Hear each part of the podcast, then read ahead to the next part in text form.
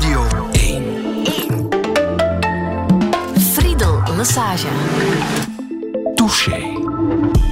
Touché vandaag met Damian de Nijs. Goedemorgen. Ja, goedemorgen. Filosoof, psychiater en angstexpert. En zeker omwille van dat laatste druk bevraagd in deze coronatijden. Ja, het is een beetje alsof we meespelen in een slechte B-film. Hè. Ehm, hier naar ontsmettingsmiddel. Tussen ons staat een handgel.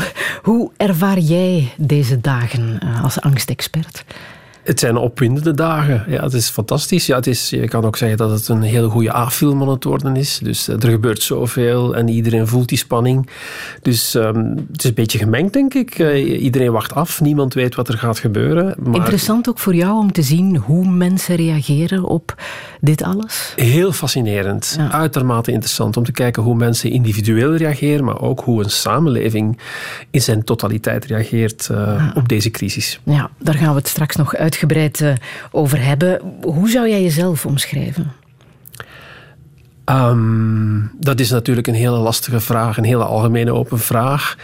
Uh, wie ben ik zelf? Iemand die zoekende is, denk ik. Dat is, uh, zo zie ik mezelf ook graag. Um, vanuit het tekort probeert uh, te begrijpen hoe de wereld in elkaar zit. En geniet ook van dat zoeken en dat tekort. Dus dat ook een enorme prijs stelt. Dat is denk ik een beetje een soort van ja, rode draad denk ik door mijn leven, sinds kort. Ja, je bent filosoof en psychiater. Dat is een bijzondere combinatie. Ben je iemand anders als filosoof dan als psychiater? Ja, uiteraard. Ik denk dat uh, psych psychiatrie is een vak. Hè? Dat is echt een, een ambacht. Mm. Zoals een, uh, een tandarts of een schoenmaker. Je doet iets, je hebt een bepaalde sociale rol en een plicht. En filosofie is iets wat, ja, daar heb je geen... Het mooie is dat het geen functie heeft. Het is een soort van attitude, een stijl van leven, vind ik. Voor mij is filosofie een manier hoe ik in de wereld sta. En psychiatrie is echt een vak. Mm. En dan ook nog eens angstexpert. Wel, dat hebben mensen van mij gemaakt. Uh, dat, heb ik zelf, dat is ja, on, onzelf verklaard om het zo. Uh, Omdat je natuurlijk ook wel in dat uh, domein veel expertise hebt opgedaan. Ja, dat kwam omdat ik redelijk veel wetenschappelijke achtergrond heb met, met patiënten met angststoornissen, die ik al twintig jaar behandel. Daarnaast ook toegang heb tot die neurowetenschappelijke uh, expertise, discours zoals ze zeggen, waardoor dat je de link met de hersenen kan maken en het een beetje kan terugkoppelen aan filosofische literatuur. En die, die drie-eenheid maakt het voor veel mensen interessant. Mm. En daardoor ben ik tot expert gebombardeerd. En hoe angstig sta jij zelf in het leven? Ik heb niet zo heel veel last van angst. Uh, opmerkelijk weinig. Uh, Ook nu niet, in deze coronatijden? Nee, helemaal niet. Nee? Absoluut niet. Nee, nee. Ik merk met ouder worden dat ik iets angstiger word. Er zijn bepaalde dingen die ik moeilijker vind. Zoals op hoogte klimmen. Dat vond ik allemaal geen probleem. Nu heb ik daar toch iets meer moeite mee. Maar ik ben ja, gespeeld van de ene niet om de vijf minuten je handen en daar ben je Nee, ik doe het wel omdat het nodig is. Het is gewoon heel praktisch. Je, je wast je handen omdat het virus uh, vernietigd wordt als je je handen wast. Dus dat is wel een goede zaak. Ja. Maar niet uit angst. Ja. Je bent een, wat zal ik zeggen, een Vlaamse Nederlander of een Nederlandse Vlaming? Ja. Ik ben ja, Vlaming uh, nog altijd, vind ik. Uh, in de hart en nieren wel. En ja, ik woon nu al wel twintig jaar in Nederland. Dus ik ben ook vernederlandst. Ja. En ik kijk wel vanuit een Nederlandse blik naar Vlaanderen. En andersom met een Vlaamse blik naar Nederland. Ja, je luisterde zo net ook naar de Eucharistieviering. Dat was lang geleden. Ja, dat, dat was je die een, nog eens had gehoord. Ja. Ja, maar je bent nog altijd graag in België, mag ik hopen? Ik ben nog altijd graag in België. Er zijn dingen die ik mis uit, natuurlijk, uh, vanuit Nederland. Wel, wat zo bijzonder is en wat men in Nederland absoluut niet heeft, is, en ik, misschien klinkt dat wat abstract, maar België is voor mij heel aantrekkelijk omdat daar een vanzelfsprekende um, manier is van leven, een soort van improvisatietechniek, een onnadenkendheid waar mensen elkaar mee bejegenen, uh, waarmee je naar je restaurant gaat, naar een café. En dat loopt vlot, het is interessant, eenvoudig, niet expliciet. En dat bestaat in Nederland niet. In Nederland is alles bedacht, georganiseerd, voorspeld, gereguleerd, um, tot in de kleinste details. En ook als er iets gebeurt, dan expliciteert men dat. Hè. Men zegt bijvoorbeeld, um, laten we het gezellig maken. Waardoor een Vlaming denkt, ja, door dat uit te spreken, krijgt het dan een heel kunstmatig aspect. Ja, laten we een goed gesprek voeren, Damian de Nijs, in deze touche. Ja. Welkom. Radio 1. 1. Friedel Massage. Touché.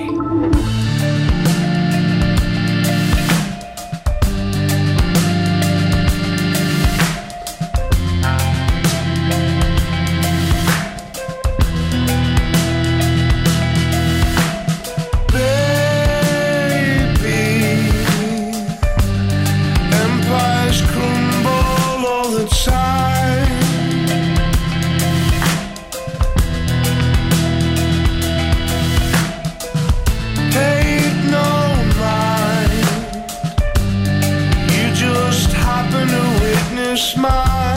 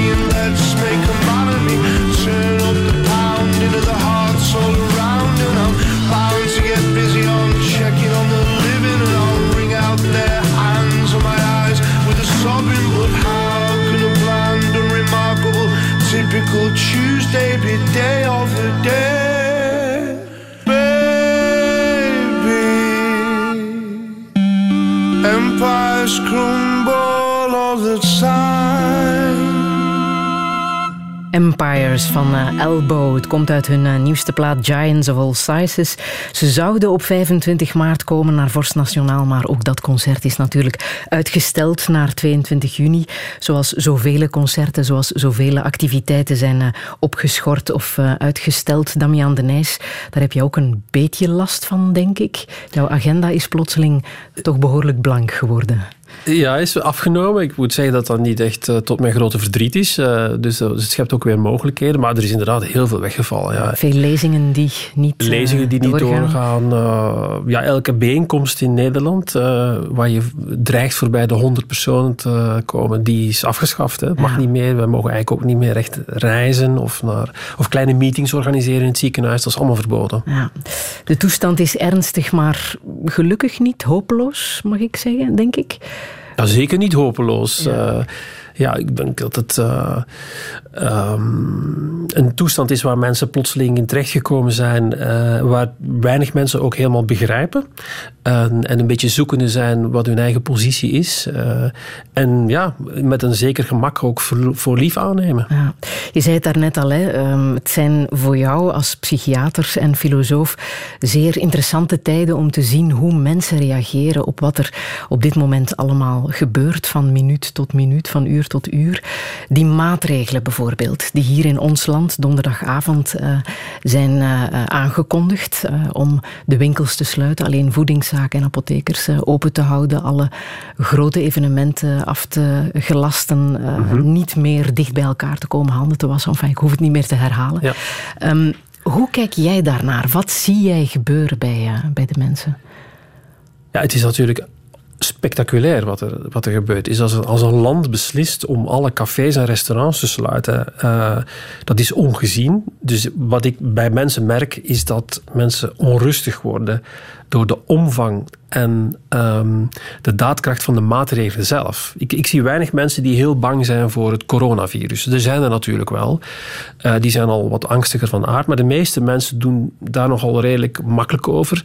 Maar men is bang voor de maatregelen die we nemen tegen het coronavirus. En men is bang voor de effecten die we zien die optreden naar aanleiding van het coronavirus. Ja. Dus als plotseling de beurs uh, met 30% daalt in drie weken, dan denk je, wow, wat, wat is hier aan de hand? Uh, als plotseling, hij is natuurlijk wel wat vreemd, maar toch, uh, de Amerikaanse president besluit om gedurende 30 dagen niemand nog toe te laten, dan krijgt dat een heel bizar en grootschalig karakter. En hoe verklaar jij die angst?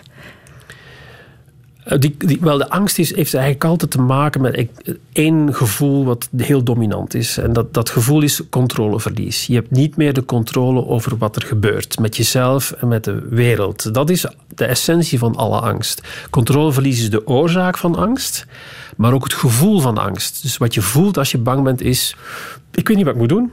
En dan gaan mensen niets doen of iets doen of rare dingen doen. Maar ook de consequentie van angst is ook controleverlies. Omdat veel mensen onredelijk handelen, gaan ze dat, dat verlies aan controle eigenlijk nog versterken, bevestigen. Mm. Dus angst is drie keer verbonden met controleverlies. Dat is een heel essentieel gevoel. Ja. De maatregelen die zijn genomen zijn zeer vergaand. Is dat ook een vorm van angst? Ik denk het wel. Kijk, uh, niemand weet hoe je met dit moet omgaan, omdat het gaat om scenario's die zich in de toekomst zullen afspelen. Wij voorspellen dat het virus dat zal bewerkstelligen binnen enkele weken, enkele maanden.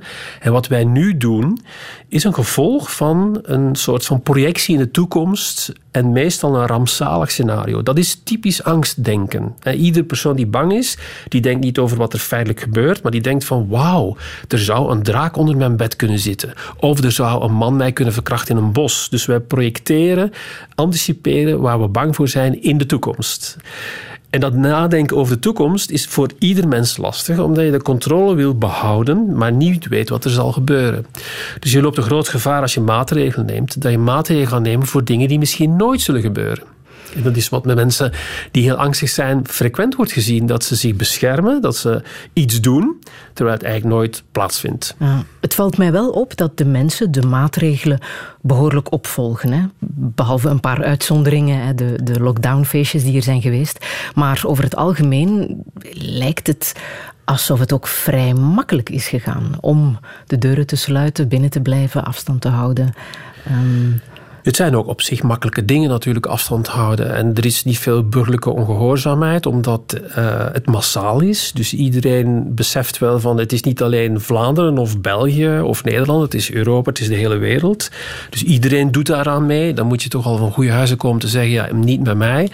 En het is toch nog altijd wel een klein beetje spannend op dit moment. En het is gewoon, je, je weet niet goed van hoe gaat het eruit zien, maar voorlopig, oké, niet werken, niet naar school, mijn leven anders inrichten, een beetje hamsteren, samen gezellig uh, bij elkaar zitten. Er zijn natuurlijk wel wat negatieve kanten, maar er zit een soort van aura van spanning, wat het voor veel mensen op dit moment nog leefbaar maakt. Ja, en het aantal doden is in ons land en ook in Nederland nog niet eens hoog. Hè? Het gaat over. Het is heel uh, beperkt. Hè? Dus drie, vier mensen. Het gaat om ja, vier mensen in België en twaalf in Nederland. Ja, dat, als je kijkt sinds dat het coronavirus eh, heeft toegeslagen, is dat natuurlijk zeer, zeer klein. Als je zeker vergelijkt met het aantal mensen die dagelijks suïcide plegen, die sterven aan reguliere aandoeningen, ja, dan is dat compleet verwaarloosbaar. Dus daar kan je wel iets over zeggen. De proportie aan maatregelen die wij nu nemen in vergelijking met het aantal doden en zieken, dat zet wel tot nadenken. Dan denk je van, is dat niet wat groot allemaal? Maar nogmaals, dat, dat is natuurlijk een, dat kan ik moeilijk zeggen, ik ben geen viroloog. Uh, we, we, nemen maatregelen met het oog op de toekomst. En het is pas over zeven, acht maanden dat we zeker kunnen zeggen of dat het overdreven was of uh, adequaat. Ja. Maar ook om die angst te beperken, dienen die maatregelen ook om vertrouwen te creëren, de angst te beperken en zo rustig mogelijk deze periode door te komen. Ja, mensen doen dingen en dat doen heeft iets te maken met het feit dat je zo de controle verwerft over de werkelijkheid. Dus angst ontstaat uit controleverlies. Je mhm. kan niet iets doen, maar gelaten afwachten is veel moeilijker dan iets doen. Dus als mensen boos zijn of angstig, dan gaan ze kadertjes schikken. Of sommige vrouwen gaan afwassen. Of mannen gaan in de tuin werken. Dus als wij heel opgewonden zijn, dan doen we iets om vatten te krijgen op die werkelijkheid. Hamsteren bijvoorbeeld. Bijvoorbeeld hamsteren absoluut niet nodig, maar toch. Je wil iets doen. Hebben mensen dat En door dat te doen, heb je het idee van: zie je wel, ik krijg het onder controle. Mhm. Wat is dan de echt goede remedie om die angst onder controle te krijgen voor mensen die nu nog altijd niet uh, goed weten wat ze moeten doen? Wat raad jij hen aan? De, de belangrijkste weg om van je angst af te komen is het controleverlies accepteren. Maar dat is een act van geloof, van overgave. Dus gewoon heel eenvoudig zeggen: ik heb het niet onder controle. Het is niet zo. Ik ben afhankelijk van wat er staat te gebeuren. Mhm. En het lot zal beslissen of ik ziek word of ik niet ziek word. Ik zie wel wat er gebeurt. Maar dat vergt een hele ja, flexibele, moeilijke attitude. Zeker in een samenleving waar wij in opgegroeid zijn, waar iedereen het idee krijgt dat alles maakbaar en controleerbaar is. Dus dat is nog een heel ander interessant punt. Onze angst vindt geen oorsprong in het reële gevaar, maar vindt zijn oorsprong in de achtergrond van onze enorme behoefte aan controle. Mhm. Mijn grootmoeder zou nooit zo'n behoefte aan controle gehad hebben en zou veel minder angstig geweest zijn bij diezelfde bedreiging. Hmm. Um, kan angst ook een, een gewoonte worden. Nu leren we dingen, hè, zoals uh, geen hand geven, uh, handen wassen. Kan dat ook um, iets zijn dat we meenemen in de toekomst? Dat we over een, een aantal jaren heel normaal vinden? Oh, de, de, ja, de rituelen zouden een gewoonte kunnen worden, maar angst als manier om naar de dingen te kijken is al enorm in onze samenleving binnengegleden. Er stond een stukje in de New York Times een paar jaar geleden. En daar stond letterlijk: als je in Amerika niet meer angstig bent, dan word je als abnormaal beschouwd. Dus wij leven in een culture of fear, een angstcultuur op basis van terrorisme, van virussen, eh, klimaatproblemen in de hele brede zin, waardoor dat onze eerste perceptie van de werkelijkheid gestuurd wordt door het bang zijn. We kijken niet meer met verwondering of nieuwsgierigheid, maar we denken van wow, is er iets speciaals? Moet ik beducht zijn? Voel ik mij bedreigd? Het is een staande uitdrukking. Hè? Angst is een goede raadgever.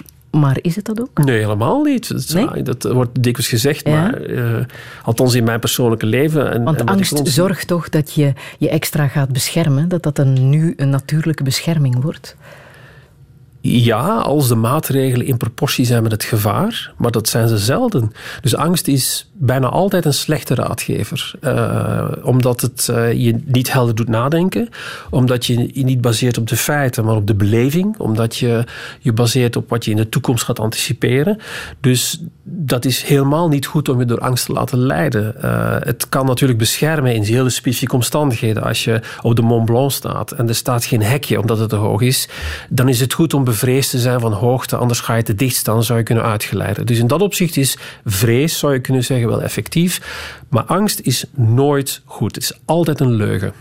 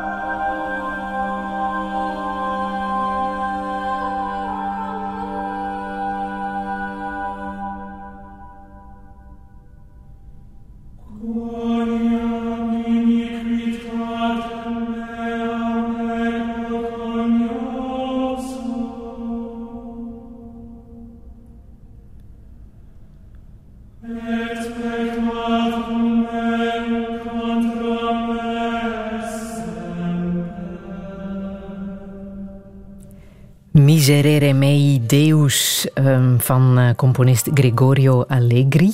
Damian de Nijs, je wou dit absoluut laten horen. Hè? Ja. Waarom precies?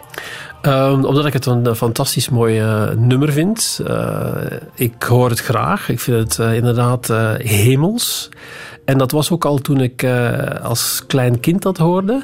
Dat is natuurlijk wel uh, bijzonder, want als kind ben je niet meteen geïnteresseerd in Gregoriaanse muziek.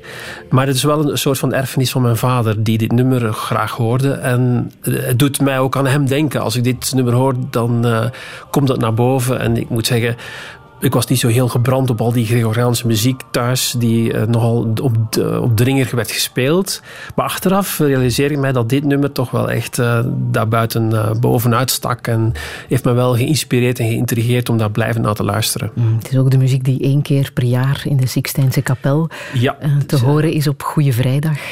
En ontcijferd door Mozart, die op vijf, zesjarige leeftijd uh, thuis uh, aan de keukentafel gewoon het hele stuk uitschreef. Ja, want er bestonden geen partituren van. Dat was verboden. Er waren geen partituren. Het was uh, pauselijke hemelse muziek. Mm -hmm. En inderdaad... Heeft het ook een, een, een religieuze betekenis voor jou? niet meteen religieus in de zin dat uh, het een soort van systematische vorm van geloven is in een god of een institutie. Maar ik breng je wel in de hogere sferen. En ik denk dat op zich nodigt het wel uit om uh, meer en dieper na te denken dan wat zich onmiddellijk aandient bij jezelf of de wereld. Eh, ja, wat is religie? Ja, je zou kunnen zeggen dat het een soort van manier is om transcendent naar de dingen te kijken, om, om de, de alledaagse werkelijkheid te overstijgen. In dat opzicht is het zeker, voelt het voor mij zeker als religieus. Ja, ja. je hebt uh, de muziek thuis als jonge kerel leren kennen van jouw vader. Uh, wat voor band had jij met je vader? Um, moeizaam. Uh, dat ging heel lastig. Uh, was naar mijn gevoel een dominante man die heel bepalend was. Uh, dus dat is van jongs af aan was dat al een hele ja, ingewikkelde relatie. En eigenlijk nu nog altijd. Dat is eigenlijk nooit heel goed gekomen. Um, op een of andere manier ja, klikt dat niet. Hebben wij geen enkel, of ja, niet iets wat ons bindt. Behalve dan misschien de muziek. En uh, er is ook niets dat ons eigenlijk dichter bij elkaar heeft gebracht. Heb je pogingen gedaan? Ik heb er wel gedaan af en toe, uh, maar dat, dat, ja, dat stoot op dezelfde soort van afwijzing die ik vroeger ook uh, ervoer. Ja. En heb je dat aanvaard? Uh, deels wel. Ik, moet zeggen dat dat, uh, iets was waar ik natuurlijk vroeger niet zo heel veel over nagedacht. Ik, ik was denk ik wel wat ouder toen ik die, die vaderrelatie uh, in mij opnam en dacht van wat, wat is dat nu? Wat heeft dat betekend? Waarom is dat zo? En ik moet zeggen dat ik daar ook in aarzel, omdat aan de ene kant zijn afwezigheid, die ik volgens mij al heel lang voel, ook wel een, een heel uh, ja, vreemd genoeg positief effect had. Dus, het, dus ik, daarom aarzel ik ook soms zijn en er niet zijn, is voor mij ook altijd een hele sterke drang geweest om dingen te doen, om, om erkenning te vragen.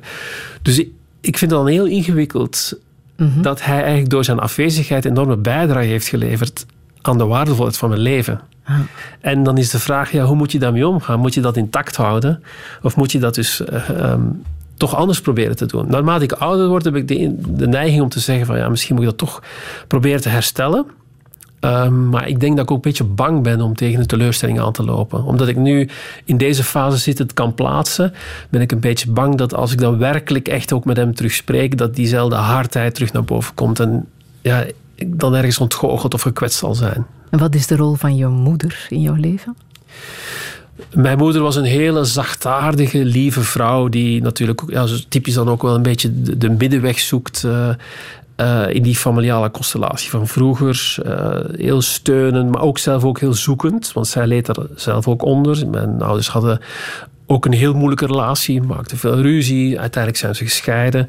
Um, maar zij is het heel, ja, het tegendeel. Mijn vader is denk ik wat krachtiger, dominanter. En zij is wat afhankelijker, afwachtender, heel veel aarzeling. Dus um, ja, het, een beetje, het, laten we zeggen, het, het volstrekte tegendeel. Mm -hmm. Je bent uh, vaak verhuisd als kind, uiteindelijk ook in een internaat terechtgekomen. Ja. Um, kan je dat ook uh, zo omschrijven dat het achteraf bekeken goed is geweest dat jou dat is overkomen? Of hoe heb je dat ervaren? Ja, dat internaat, dus toen ik ongeveer denk 13, 14 was, toen, uh, toen was de boodschap helder. Ik, bedoel, ik studeerde helemaal niet goed, ik zat op colleges uh, en, en dat was toch niet naar behoor. Dat was ook effectief zo. Ik had niet zo goede punten. En mijn vader zei ook resoluut, ja, je bent het vijfde wiel aan de wagen in deze familie, ga maar op internaat. misschien kunnen, kunnen zij iets met jou aanvangen. En als je dan 13, 14 bent en je komt op zo'n internaat, dat is wel indrukwekkend. Dus ik vond dat wel echt een van de meest uh, aparte belevingen, denk ik, die ik ook ooit hmm. meegemaakt heb. En waarom precies? Het is, als ik er achteraf over denk, bedoel, ik heb het niet zo beleefd. Het klinkt misschien wat dramatischer, maar het is wel een hele eenzame situatie. Als je als jongen op zo'n jongensinternaat, hè, dat was natuurlijk altijd, dat was gescheiden, vond ik het een hele harde, uh, eenzame atmosfeer. Het is ieder voor zich op jonge leeftijd.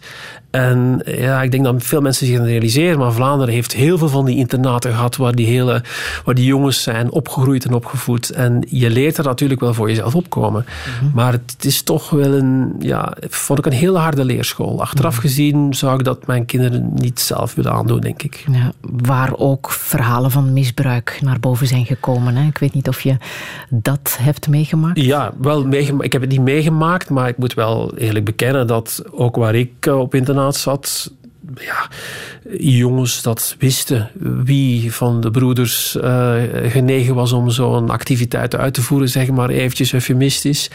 Uh, dus als je iets uh, fout deed, dat je wel snel op de schoot belandde en dat er een en ander betast werd. Maar als kind toen werd daar, had ik het gevoel dat er heel schamper werd over gedaan. Of althans, onder de meesten werd daar wat lacherig over gedaan. Dat was niet zo indrukwekkend. Ik kan me wel voorstellen dat kinderen die wat moeilijker, wat kwetsbaarder hadden, die wat eh, lastiger konden omgaan met de situatie, wel een mikpunt of slachtoffer zouden kunnen worden. En dat is natuurlijk veel erger. Was jij een bang kind?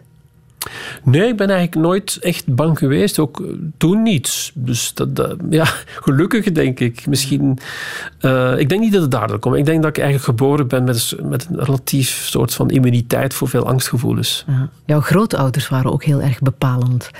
Ja, Op welke manier? Um, mijn, mijn, grootvader was uh, apotheker uh, en um, ja, voor mij was dat een inspirerende man. Hij vulde natuurlijk ook een beetje de lacune van mijn, uh, van mijn vader, denk ik. maar ik had al heel lang met hem een, van jongs af aan een hele goede band. En hij was voor mij een enorm voorbeeld, omdat hij achteraf denk ik nog veel meer dan ik, dan ik nu, uh, of toen ik toen kon bedenken, omdat hij geïnteresseerd was in scheikunde, in filosofie, in literatuur. Dus die hele brede, diverse manier om naar dingen te kijken, dat, dat, dat was een soort van evidentie.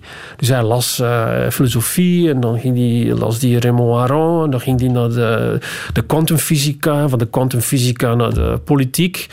Ja, en dat was een soort van evidentie. Als die, dat, die, dat was zijn wezen. En ik dacht dat dat altijd zo was bij ieder intellectueel. Maar dat is natuurlijk wel redelijk uitzonderlijk. Mhm. Dus hij heeft voor mij uh, een, een, pad uh, geëffend, uh, om het zo te zeggen. zonder dat hij dat waarschijnlijk bedoelde. Wat heel bepalend is geweest om, om, om de wereld te zien en dingen te begrijpen.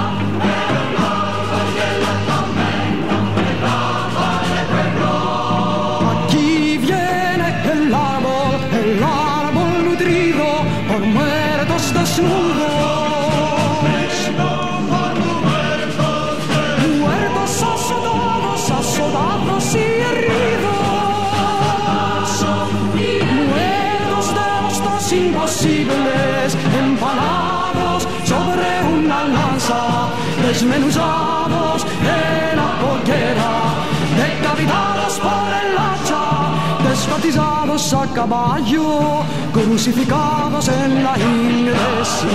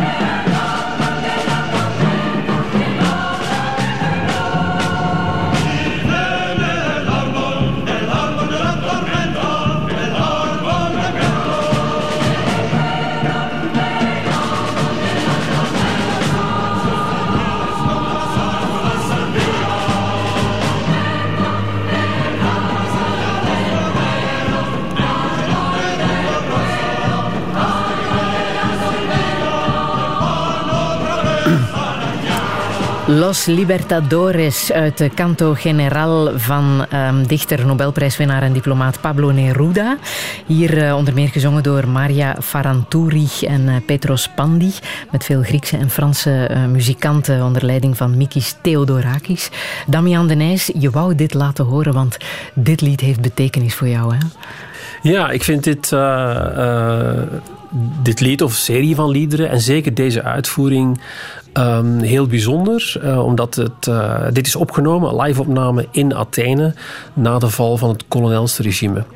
En um, ja, Griekenland is toch ook een beetje het land waar de vrijheid is uitgevonden. Uh, dat is de vrijheidsgedachte heel belangrijk. Nou, die kolonels, dictatoriaal regime, werd opzij geschoven en Mikis Theodorakis was verbannen. Niets mocht. Nou, zodra dat die kolonels verdwenen zijn, heeft men dit opgevoerd. Live voor uh, tienduizenden Griekse uh, of Atheense enthousiastelingen natuurlijk. En je, je hoort, vind ik, in, in die opvoering een enorm soort van een verlossing. Dus ik, ik, die vrijheid die, die, die komt dwars eigenlijk door al die tonen en die woorden heen.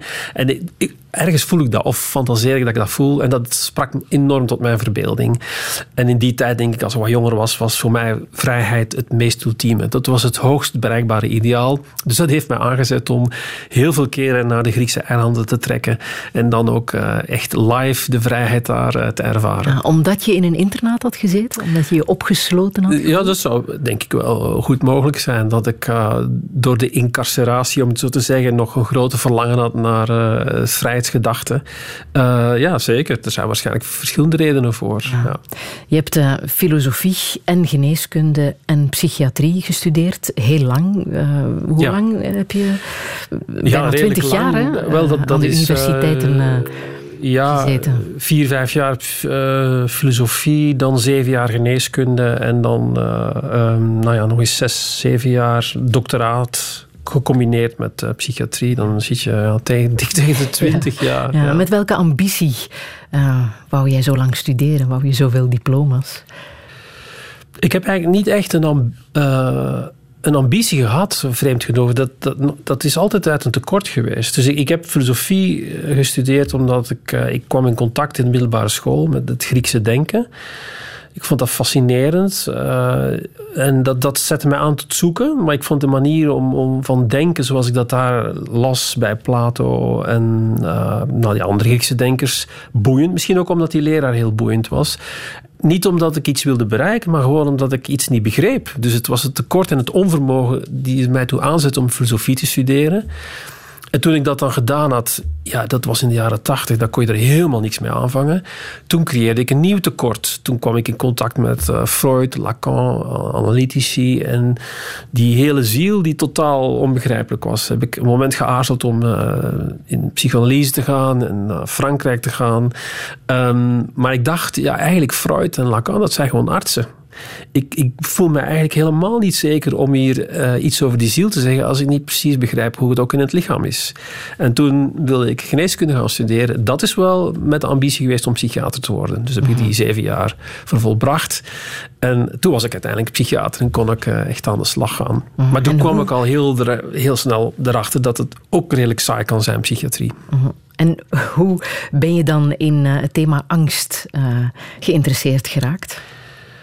Ja, dat is, dat is zoals heel veel dingen die belangrijk zijn in ons leven volstrekt toeval geweest. Ik, ik was helemaal niet geïnteresseerd in angst. Ik ken dat uit de filosofie, maar dat, dat boeide mij niet zo. En ik zocht een onderwerp voor een, uh, een proefschrift voor een doctoraat en ik was geïnteresseerd in de waan. Ik vond dat het meest interessante. Dus hoe dat het komt dat mensen, ondanks allerlei uh, tegendeel en tegenargumenten, toch blijven vastgeloven in één specifiek idee. Maar ik kon niemand vinden die mij een proefschrift wilde begeleiden of aanbieden in dat specifiek onderwerp. En uiteindelijk was ik het zo beu dat ik zei, weet je wat, ik stuur gewoon brieven in Nederland naar alle universiteiten en ik zeg, weet je wat, ik wil gewoon onderzoek doen. Als er iets is, nodig mij uit en ik vind het goed. En ik was bereid om alles te doen om toch maar in dat wetenschappelijk onderzoek terecht te komen. En toevallig was er in Utrecht, een, een, dat wist ik pas achteraf, een mevrouw die was weggelopen omdat uh, ze zo ontevreden was. En lag dus een, een project klaar over de dwangstoornis. Mensen die dwangmatig zijn, hun handen wassen en heel veel last hebben van angst. En zo ben ik in die angst gerold. Ja, en wat voor angsten bestaan er zoal? Wat zijn de meest fascinerende waar jij graag uh, in verdiept?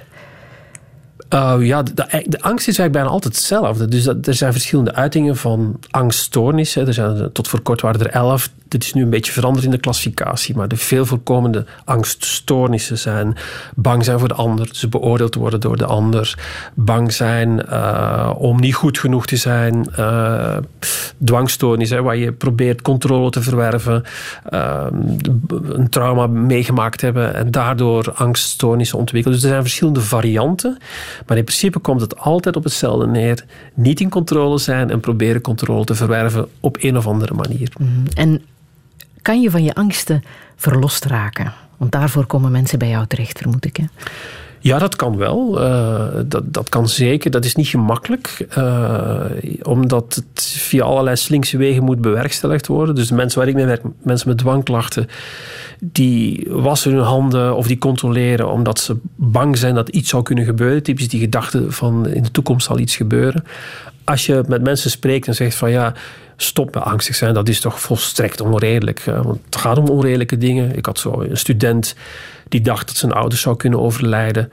Um, en wat hij daar deed om dat te verhinderen, was telkens als hij zijn hemd uittrok, dat acht, negen keer op de hanger hangen, controleren en in de kast hangen.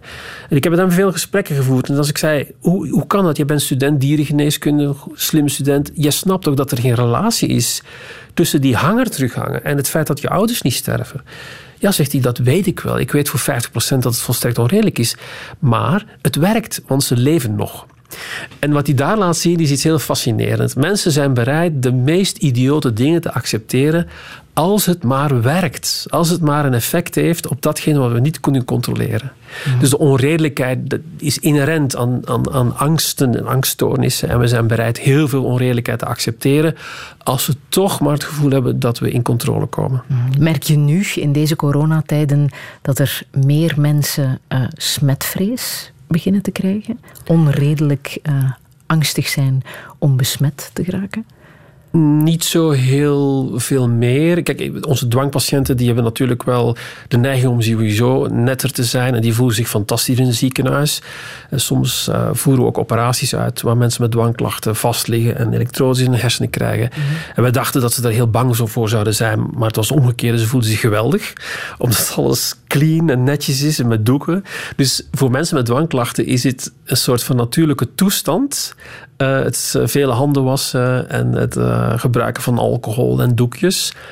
Um, het enige probleem praktisch is dat wij geen um, oefeningen meer kunnen doen. Dus we moeten alle behandelingen stopzetten, omdat we daar juist mensen proberen uit te dagen om vieze dingen vast te nemen. Dat is de manier om er vanaf te geraken. Bijvoorbeeld als het gaat over smetvrees, is net dat de manier. Ja, bij angst is altijd de manier je confronteren met datgene waar je bang voor bent. Dat is de sleutel tot het succes. Ja.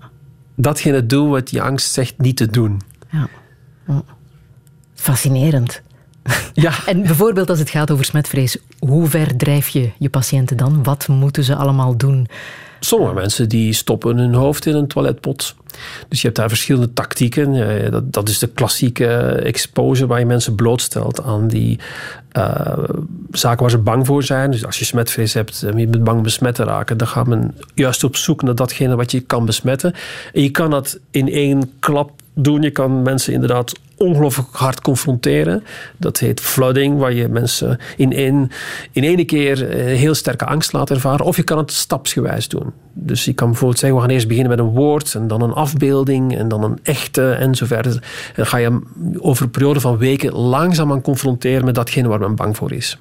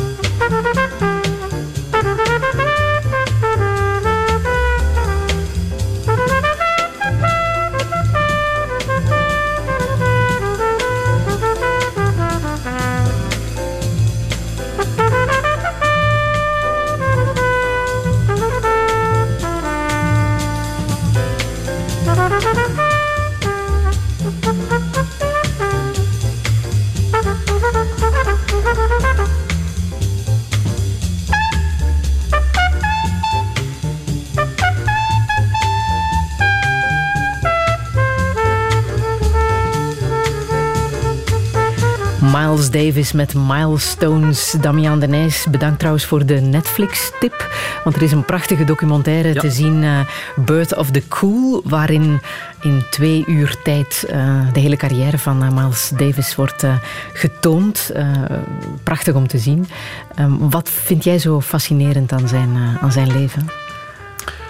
Wat ik fascinerend vind is dat het een van de mensen is, weinige, of ja, er zijn er wel, maar er zijn niet zo heel veel, die toch op een hele individuele, creatieve manier iets toevoegt uh, aan wat er nog niet is. En daar heb ik dan de meeste bewondering voor mensen die als het ware uit het niets uh, vanuit zichzelf iets creëren en, en, een hele nieuwe lijn ontwikkelen. En ik denk dat Miles Davis in de jazz in dat, uh, in dat tijdperk echt ongelooflijk vernieuwend was, innovatief.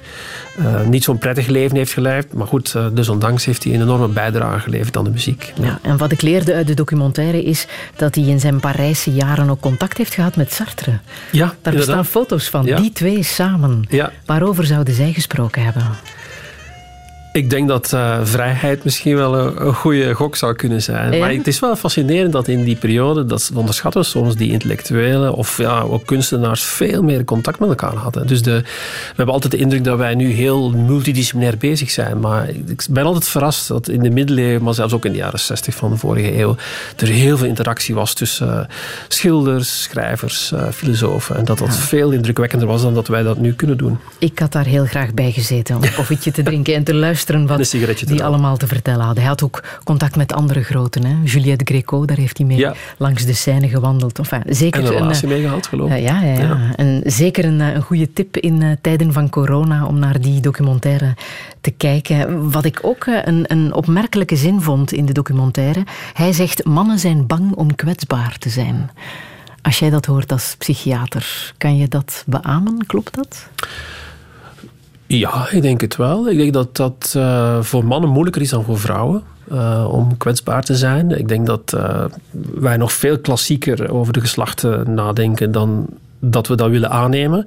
We leven in een tijd waar er geen genderverschil meer mag zijn. Hè. Mannen en vrouwen moeten gelijk zijn. Maar ik denk dat het omgaan met kwetsbaarheid en daarin openheid vertonen toch nog veel moeilijker is voor mannen die opgroeien met een idee van ik moet hier staan, ik moet iets doen, ik moet hier uh, tonen dat ik, wat ik waard ben. Dus in, in een mannelijke omgeving, maar ook in een samenlevingsomgeving is het voor mannen veel lastiger. Hij was ook een heel kwetsbaar figuur. Hè? Het is beide. Wat, je, wat je ziet uh, uh, bij zo'n mensen is dat het een combinatie is van uh, kwetsbaarheid aan de ene kant, heel sensitief. Want het kan ook niet anders, denk ik, als je creatief bezig bent met, met kunstig. Maar aan de andere kant ook wel heel bepalend, heel, heel ook dominant. het is zo en niet anders. Dus het is, het is een vreemde combinatie van gevoelig zijn voor wat mensen doen, wat ze over jou zeggen, dingen oppikken in, in je omgeving. Maar aan de andere kant ook wel heel sterk willen die wereld zelf naar je hand zetten. Mm. Welke series of films wil jij zeker bekijken nu er iets meer tijd is vrijgekomen uh, dankzij de coronacrisis? Um, we eens kijken. Ik ben al een liefhebber van uh, die serie Vietnam, uh, de Vietnamoorlog, die ook te zien is op Netflix. Uh, van een regisseur die vroeger al een reeks over de Tweede Wereldoorlog heeft gemaakt. Ja, die Vietnamreeks over de oorlog in Vietnam vind ik geweldig knap. Ik heb maar eens maar ik ga nog eens zeker eens kijken. Omdat die, naar mijn gevoel, dat is een van de weinige reeksen waar men een gezichtspunt neemt van de Amerikanen, van de Vietnamezen, Noord-Vietnam en die guerrilla. En de combinatie van die verschillende invalshoeken op een, op een oorlog is heel uniek. Ja, en welke boeken moeten we lezen volgens jou? Ik, ik, zou niet te veel lezen en wat meer denken. Ja? Ja, we, ik ben ook achtergekomen, ook wel later, dat, dat mensen soms te veel lezen en te weinig nadenken. Dus uh, het is goed om iets te lezen en dan dicht te klappen. Uh, misschien soms een zin of een woord en daar kijken wat je ermee kan doen. Dus ik ben, ik ben enorm meer, meer een voorstander om iets met dingen te doen dan dingen in je opnemen. Ja, je kan ook podcasts beluisteren. Je kan podcasts beluisteren. Heel populair, absoluut. Ja, ja. Touché heeft ondertussen meer dan 600 uur in de aanbieding. Dat is uh, zo'n 26 dagen. Daar, daar kun je dus de quarantaine mee doorkomen. Daar kan ja, je de precies, coronaperiode mee uh, overbruggen. Um, films kijken, dat uh, ja, absoluut. is ook een aanrader. Ja, uh... Veel films trouwens over virussen en over wat op dit moment aan de hand is. Hè? Dat zou ik nu niet echt aanraden, denk ik. Maar goed, het is misschien wel een gelegenheid om een keer een hele reeks te bekijken uh, van een aantal grote regisseurs. Om alle films gewoon in één klap door te nemen, denk ik. Ja. Wie zou jij dan uh, adviseren? Um, Italiaanse regisseurs, uh, denk ik. Uh, maar uh, ook even een Bergman, ja, Tarkovsky. ik ben ook een enorme liefhebber van science fiction horror. Dus de hele Alien-cyclus. Of ja, dat soort van. Omdat het gaat over ja, toch wel mensen bang maken? Um, fascineert? Nee, ik denk het niet. Wat mij zo fascineert in die films is, uh, um, ik denk de symboliek die erin zit. Dus ik vond uh, bijvoorbeeld Alien uit uh, eind jaren 70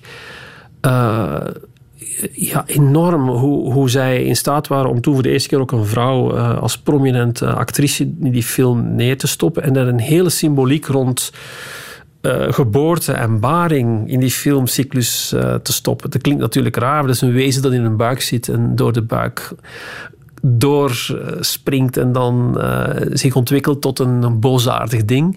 Maar er is een, een, hele metafoor rond geboren en geboren worden en baren die omgekeerd wordt, die bij de man plaatsvindt en uit de vrouw wordt gehaald. Dus dat, dit soort van diepere lagen vind ik wel fascinerend. Alien, zullen we noteren. Alien. Ik heb nog uh, muziek uit Apocalypse Now, gebaseerd op uh, Heart of Darkness van Joseph Conrad. Um, dat is een film die misschien ook wel op ons lijstje kan gezet worden. Hè? Eindelijk is het tijd om dat nog eens te bekijken. Waarom zeker, fascineert zeker. die film jou zo erg? Ja, om meerdere redenen. Ik vind het uh, alleen al de, de dus het feit dat die film met zoveel problemen is gemaakt, vind ik al heel interessant. Apocalypse Now was een compleet drama in het maken. Het heeft vier jaar geduurd. Alles mislukte. En toch komt er zo'n geweldig stuk uit. Een van de meest indrukwekkende films. Dus dat vind ik al heel fascinerend. Dat ondanks alle problemen, of misschien dankzij de problemen, daar zo'n geweldig creatief product uitkomt. Um, maar ook daar zie je in die film dat uh, de symboliek van iemand die uh, een rivier afvaart en die eigenlijk in twee kanten gewoon op een oppervlakkige wijze uh, de oorlog gewoon blootlegt, maar eigenlijk in zijn ziel vaart. En naarmate dat hij verder komt, wordt hij meer en meer geconfronteerd met de onmenselijke, of ja, de, de onmenselijke eigenschappen van een mens. En kom je tot de absolute vredaardigheid van wie wij zijn. En die stelselmatige, stelselmatige zoektocht daarna, dat vind ik heel fascinerend. De horror. De horror, de horror ja.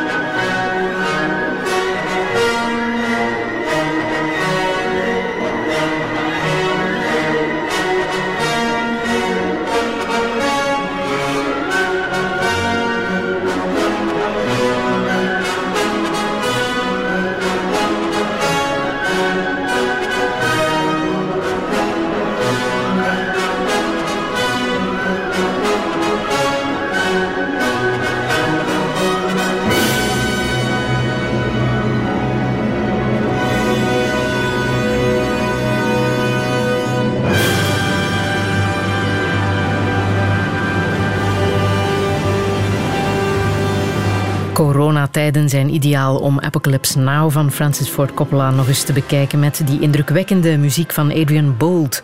Zometeen na het nieuws van 12 uur praat ik verder met filosoof, psychiater en angstexpert Damian Denijs. Tot zometeen. Radio 1. 1. Friedel Lassage. Touché. Vandaag met angstexpert Damian de Nijs. Meer dan twintig jaar geleden verkaste deze Vlaming naar Nederland om daar een carrière uit te bouwen als hoogleraar en hoofd van de afdeling psychiatrie aan het AMC in Amsterdam. Hij specialiseerde zich in angst. Angst wordt gevoed door onzekerheid en gebrek aan vertrouwen, maar is tegelijk ook een natuurlijke bescherming.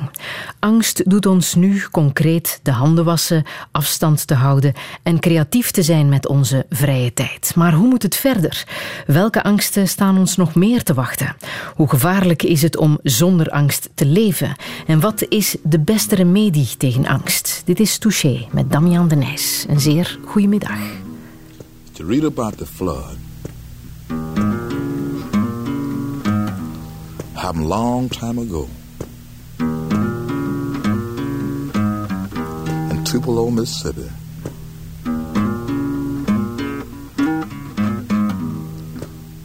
of a thousand lives destroyed.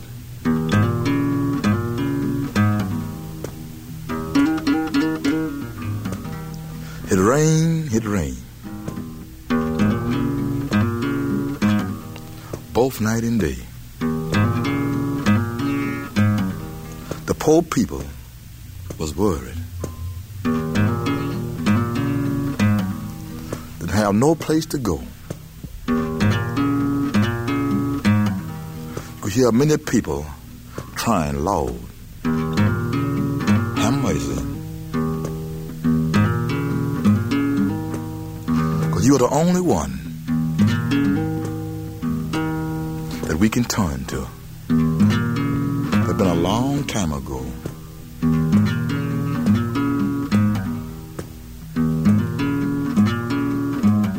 A little town way back in Mississippi. In Tupelo.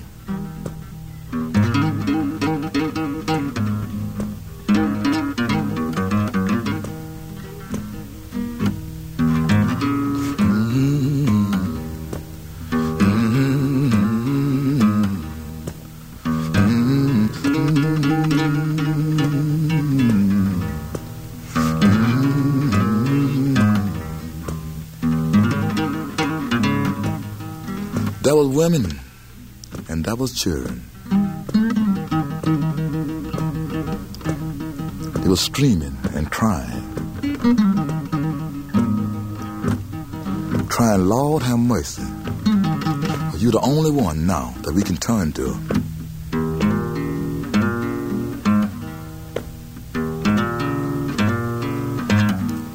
Way back down in Mississippi, a little country town.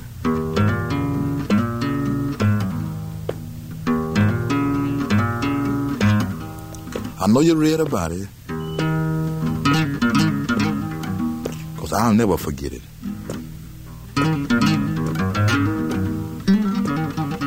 The mighty flood in Tupelo, Mississippi. Been years ago.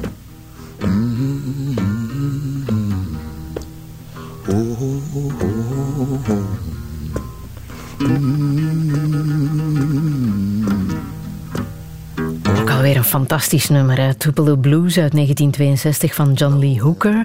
Gaat over de overstroming van 1939 in uh, Tupelo, Mississippi. Damian de Nijs, waarom wou je John Lee Hooker laten horen? Omdat ik, um, ik hou van die klassieke, oude, hele trage blues. En... Um, ik frequenteerde af en toe het Bluesfestival in Peer. En uh, daar zou Johnny Lee Hooker optreden. Dus ik was er enorm op gebrand om uh, zijn optreden eindelijk mee te maken. Want de man was natuurlijk al heel oud. Dus ik trok, ik denk, ik was 17 of 18, uh, naar Peer. En ik was op het festival en er werd aangekondigd. En ik liep waar rond tussen de mensen die daar een beetje hangen. En ik kwam in een groepje terecht waar men een joint doorgaf. Dus ik dacht, oké, gezellig, we doen wel mee. Dus ik heb een paar trekken genomen. En ik viel in slaap. En uh, toen ik wakker werd, uh, kwam ik erachter dat uh, John Lee Hooker eigenlijk al zijn set had gespeeld. En dat dus de man die ik graag had willen horen eigenlijk Gewoon gemist. Gemist had, ja. ja. In slaap gevallen. Spijt van? maar ja, ja, een beetje natuurlijk. Maar ja, het is op zich een goed verhaal. Dus, ja, ja. ja. Um, beantwoord, want dit is een prachtig nummer. Beantwoord dit voor jou aan um, de definitie van schoonheid? Uh, deels wel, denk ik. Schoonheid is een... Uh, ja, dat is moeilijk om dat te definiëren. Dat is een enorme uitdaging. Ja. Maar het is wel iets wat moet raken. Um, uh, en dat wat, wat dan precies raakt, is heel lastig vast te leggen. voor mij persoonlijk zit er in eenvoud, een, een, een traagheid, zit, zit daar iets van dat te raken ik kan het ook in principe bepalen wanneer het wel gebeurt met een kunstwerk of een muzieknummer. Ik weet, wel, wanneer, ik weet wel wanneer het gebeurt. Dus je voelt perfect bij jezelf aan wanneer schoonheid je raakt. Dat vind mm. ik ook zo fascinerend. Niemand is in staat om te zeggen hoe dat gebeurt, maar wel dat het gebeurt. Ik vraag het omdat jij zegt, een middel tegen angst is schoonheid. Ja, ja. Je laven aan schoonheid. Ja. Waarom precies? Omdat dat rust brengt? Of? Uh, omdat schoonheid, in schoonheid uh, komt pas tot zijn recht op het moment dat je overgeeft aan wat je ziet of hoort. Dus je moet je als persoon moet je het lef hebben om jezelf te laten verdwijnen. Je vergeet jezelf en je gaat op in datgene wat zich aandient. Dus de act van schoonheid is alleen maar mogelijk op het moment dat je passief openstaat voor wat je tegemoet treedt. Dat, die houding, dat is een houding van vertrouwen. Van je overgeven, jezelf verliezen in de wetenschap dat het goed komt. En bij schoonheid komt het goed, want je krijgt een hele plezierige esthetische ervaring. Als je te veel vastklampt op wat je zelf denkt en wil, dan gaat die ervaring nooit plaatsgrijpen. Mm. Nou, dit is een soort van metafoor die je kan gebruiken als je bang bent. Dan gaat het er ook om om diezelfde passieve attitude aan te nemen en dingen te ondergaan. Uh, maar dat kan je alleen als je weet dat dat niet uh, gepaard gaat met iets fouts of verkeerds. En veel mensen die bang zijn, durven zich niet over te geven, durven niet in vertrouwen die wereld tegemoet te treden, omdat ze denken dat het veel erger wordt. Nou, schoonheid leert ons dat dat kan met een goed gevoel. Ja, vertrouwen, dat is ook een heel belangrijk woord hè, als het gaat over angst bestrijden. Absoluut. Vertrouwen is datgene wat, wat uh, het beste helpt om niet bang te zijn, in, in algemeen zin. En dat is bijzonder lastig. Want vertrouwen betekent dat je dus ervan uitgaat dat de dingen goed zullen lopen. Zonder dat je weet dat het goed zal lopen. Dus dat is heel belangrijk. Dat tweede deel is heel belangrijk. Je weet het niet. Maar ondanks het weten, geloof je toch dat het goed zal lopen. Het is dus een geloofsact, van, een act van overgave.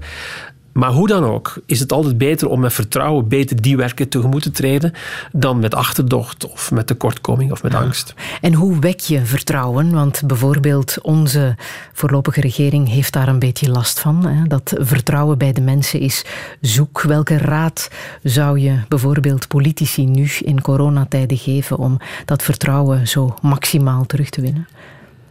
Maar ik heb niet het gevoel dat regeringen dat slecht doen. Ik vind dat uh, regeringen. Ik denk dat Europa iets eh, consistenter zou moeten kunnen zijn in hun aanpak. Dat er nog wel veel gekke variatie is. Dat België dit en Nederland dat doet.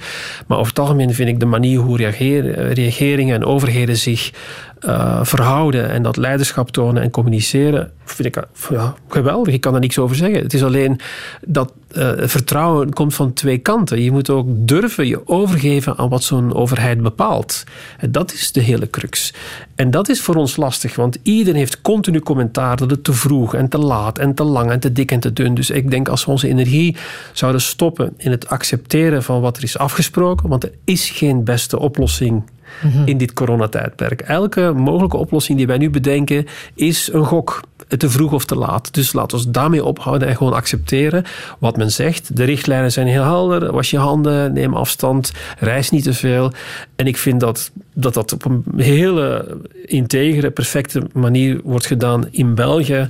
Wat ik gezien heb, maar ook in Nederland of in de rest van Europa met het duidelijke doel, en dat kunnen we niet genoeg herhalen, om uh, de, uh, de tijd te spreiden. Hè. Uh, er zullen mensen ziek worden, mensen zullen moeten verzorgd worden. Ja. Het is heel erg belangrijk dat we die zorg aan kunnen. Um, ja, het is een, de bedoeling om het langzaam te laten verlopen. Uiteindelijk zal iedereen toch besmet raken, minstens de helft van de bevolking zal met de tijd besmet raken. men hoopt door deze maatregelen om het wat uit te spreiden. Maar nogmaals, pas uh, de geschiedenis zal ons leren of dat het een, een, eh, een, correcte of een niet correcte aanpak was. In Nederland zitten ze nu samen om te bekijken of de maatregelen zullen ja. verstrengd worden. Voorlopig was dat nog niet zo streng als bij ons. Hè. Winkels waren gisteren ja. nog open. Um, in Sluis zat zo net in het nieuws. Uh, wordt er toch al lokaal uh, wat strenger opgetreden? Hoe kijk jij daarnaar? Hoe, hoe reageren mensen daarop, op dat verschil? Met een grens tussen ons uh, zijn de maatregelen toch anders. Met, met veel boosheid en verwarring ook. Mm. Dus uh, het is interessant om te zien dat zowel in België als in Nederland op basis van wetenschappelijk advies werd gezegd: het is niet noodzakelijk dat die scholen nu dichtgaan, maar dat in België op basis van politieke overwegingen men uiteindelijk wel heeft besloten. En dat je nu ziet dat in Nederland uh, ook wellicht om politieke redenen en dezelfde publieke druk men dat ook zal doen. Uh, ik vond het moedig van uh, Rutte als premier om te zeggen: ja, het is nu niet noodzakelijk, we gaan het niet doen. Want de backlash die je krijgt op de maatschappij als je scholen sluit is enorm. Je gaat mensen in de problemen werken die in de zorgsector werken, in allerlei andere sectoren. Dus laat ons dat uitstellen. Maar ik vrees dat hij niet langer weerstand zal kunnen bieden en dat onder druk van de massa, de mensen en de politiek hij gedwongen zal worden om ze toch te sluiten. Als we het hebben over vertrouwen en uh, de waarheid vertellen, is dat ook uh, gelijk aan hou op met onzin te verspreiden. Daar heb jij heel erg last van. Hè? Als je kijkt naar de sociale media, daar doe jij niet aan mee. Nee, het is wel het is dubbel. Je moet een stukje meedoen om aanwezig gesteld te worden tegenwoordig. Want als je dat niet doet, ja, dan ben je niet zichtbaar. Maar aan de andere kant heb ik er een verschrikkelijke hekel aan. Ja, ik vind het echt uh, heel erg dat de media eigenlijk, vind ik, de professionele media, ook de sociale media, de neiging heeft om zoveel onzin uh, te verkondigen. En het wordt dus gewoon heel moeilijk om nog een hele rustige, integere boodschap naar buiten te brengen. Dat, dat is dat, dat, is, dat is zeldzaam geworden, omdat er zoveel andere dingen zijn aan de ene kant en omdat men de complexiteit, de nuance uh, van zo'n boodschap gewoon niet meer wil accepteren. Never waste a good crisis. Het woord burgerzin valt heel erg veel deze dagen. Zorg voor elkaar. Um, hoe anders is dat in Nederland, uh, burgerzin, als je dat vergelijkt met België? Uh, ik, ik, heb het gevoel dat Nederland iets meer. Ja, je kan het burgerzin noemen, maar je kan ook zeggen sociale controle. Nederlanders zijn wel veel krachtiger in burgerzin of uh, die sociale Op controle. Welke manier? Wel, toen wij daar kwamen wonen, viel het valt op. Als je door Nederland rijdt, dan zie je dat de meeste huizen uh, die hebben geen gordijnen. Alles staat open. Men noemt dat ook doorzonwonen. Je kan dus gewoon dwars door de huizen kijken. Uh, dus er is een soort van openheid uh, en ook dat wordt op prijs gesteld naar wat in de maatschappij. Dus dat mensen kunnen binnenkijken bij jou en ook jij bij anderen kan binnenkijken. En mensen spreken er gewoon veel sneller elkaar aan als er iets niet goed gaat. Als je verkeerd fietst, dan is er wel eens een oude man die zegt: ja, maar fiets recht of een blikje, gooi dat niet weg. Dus het is iets minder dan vroeger, denk ik. Maar er is nog wel een heel uh, sterke, actieve cultuur om mensen gewoon aan te spreken op hun gedrag. Daar kunnen wij veel van leren? Ik heb het gevoel dat, dat Belgen daarin wat individualistischer zijn en, en makkelijker gewoon zeggen, ja, weet je wat, ik doe gewoon hier mijn zin. Um, dat, dat, ja, dat is in Nederland wij anders. durven mensen niet zomaar aanspreken op... Uh... Wij durven niet aan. Het is een beetje ieder voor zich, toch? Uh, ja, en, Nederlanders voelen zich misschien... Vinden wij dat hotijn, hotijn, maar aan de andere kant vind ik het ook wel gunstig. Ze zeggen gewoon recht wat ze denken en uh, spreken elkaar aan. Ja. ja. en nu zeker in tijden van corona mag het, ja. moet het misschien zelfs of mensen aan Graag. te spreken op ja. uh, slecht gedrag. Volgende week zondag, uh, 22 maart, zal het vier jaar geleden zijn dat uh, Brussel getroffen werd door de aanslagen in Zaventem en uh, Maalbeek. Ook toen was er een angstpsychose. Hè? Um, hoe anders was dat toen als je het vergelijkt met nu? Um, wel, het was natuurlijk een enorme gruwelijke gebeurtenis die in één klap ja, heel veel mensen in één keer op, op een vreselijke betekenisloze wijze treft. Uh, dit is uh, wat wij nu zien iets geleidelijker, gaat trager. Er zitten zeker gelijkenissen in het feit dat um, een terroristische aanval en een virus allebei de perfecte ingrediënten vertegenwoordigen voor een ideale angstaanval. En dat zijn namelijk dat men niet weet wanneer uh, men zal toeslaan. Dus ook bij ook een aanval weet je niet wanneer zal het gebeuren. Of dat je het slachtoffer zal worden. Exact, dat is het tweede. Iedereen kan een slachtoffer worden. Dat is die betekenisloosheid. Of je nu goed of slecht bent je kan altijd slachtoffer worden van zowel een terroristische aanval als van zo'n virus. Die maakt gewoon geen selectie. Um, en het derde is, uh, dat is het meest uh, vervelende voor mensen die bang zijn, het kan altijd en overal gebeuren. er is geen enkele aanwijzing dat het gevaar uh, gaat opdoemen. Nu met het virus kan iedereen die je ontmoet mogelijk een besmettingsbron zijn. En met die aanslag was het ook zo dat het zomaar in je dagelijkse leven op de hoek van de straat, in een supermarkt of op de metro kan plaatsvinden. En dat maakt het extreem bedreigend. Hebben we daar iets uit geleerd, uit die angst voor terreur? Ik denk mensen, mensen zijn zeker voorzichtiger geworden uh, in het, in dagelijkse leven. Beseffen ook dat uh, het leven niet zo maakbaar is, denk ik, als we altijd dachten. En dat, dat het soms gewoon kan afgelopen zijn. Uh, ik denk dat we daar zeker uit geleerd hebben. Misschien niet in positieve zin. Misschien dat het wel ook ons nationalisme soms wel aanmoedigt, uh, ons isolement soms wel wat bekrachtigt. Uh, en dat we natuurlijk minder nieuwsgierig zijn naar culturele variaties die ver van ons bed staan. Uit, uit, uit vrees dat er iets zou met ons kunnen gebeuren. Dat is denk ik minder positief. Um, en ja, goed. Uh, ik denk dat we uit elke angst uiteindelijk leren. Ook uit deze corona-angst?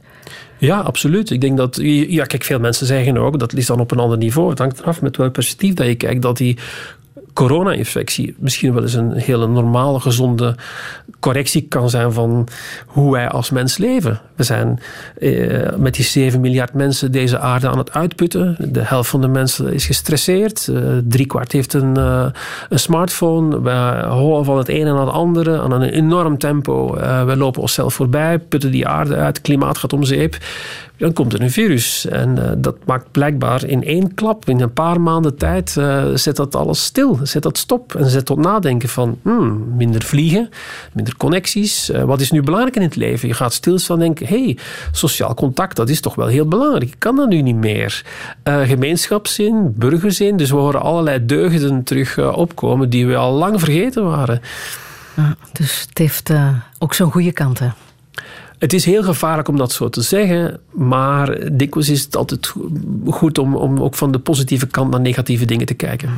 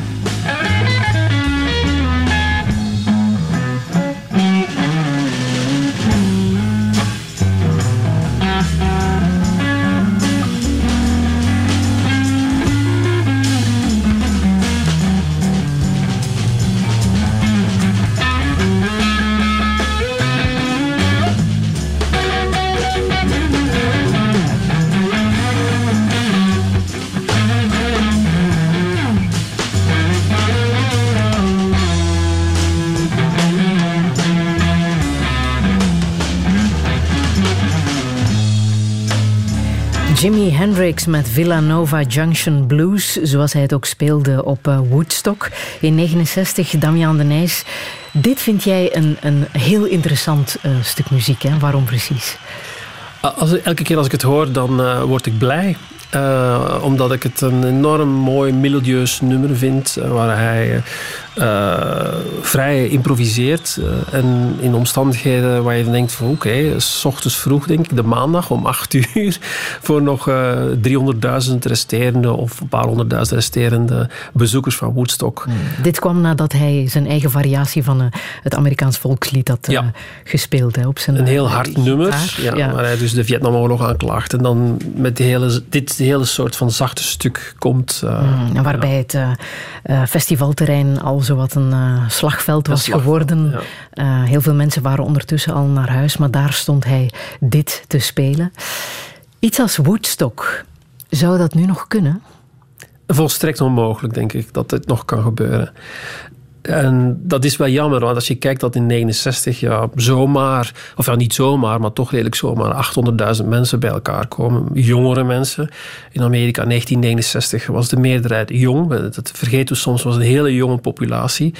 En die komen samen en die luisteren naar muziek. Er is wel het een en het ander gebeurd, maar ook niet zo heel veel. Bijna niks was georganiseerd. Er was nauwelijks veiligheid, er was geen politie, er was nauwelijks eten. Dus totaal ongeorganiseerde bijeenkomst die quasi goed verliep. Um, nadien was dat misschien wel wat problematischer bij andere festivals. Maar wat zo interessant is, is dat het gewoon nu niet meer zou kunnen. Het is onmogelijk dat diezelfde manifestatie van vrijheid zich op deze manier zou ontplooien in onze samenleving. Mhm. Dat, dat is, en dat confronteert ons met het gegeven dat wij heel veel vrijheid verloren hebben. Mhm. Wat mij opviel bij de documentaire die vorig jaar is gemaakt over Woodstock met de meest authentieke beelden dat daar een presentator was, een man op het podium, die de mensen ook zeer uh, duidelijk heeft toegesproken hè, om uh, rekening te houden met het feit dat er uh, veel meer mensen aanwezig waren dan de bedoeling was. Die heel veel informatie ook gaf aan, aan de mensen. Zou dat een van de redenen kunnen geweest zijn waarom daar niks fout is gelopen? Mogelijk, maar ik, ik denk dat het te maken heeft met de attitude van iedereen. Iedereen ja? zit daar met een gevoel van we gaan gewoon luisteren naar muziek en plezier maken. En uh, die man, uh, ja, die overigens wel allerlei indicaties gaf over welke drugs men wel en niet kon gebruiken. Wat dus ook nu niet meer zou kunnen. ja. Hij zei, uh, do not uh, take the blue ones of zoiets, uh, they're awful. So, dus er waren wel ook instructies van wat goede en slechte drugs waren. Um, maar dat zou kunnen, maar ik denk dat het veel meer te maken heeft met onze attitude die we nu verloren hebben. Zo een, een kinderlijke, verwonderende attitude van we gaan kijken wat er gebeurt. En als het regent, dan regent het.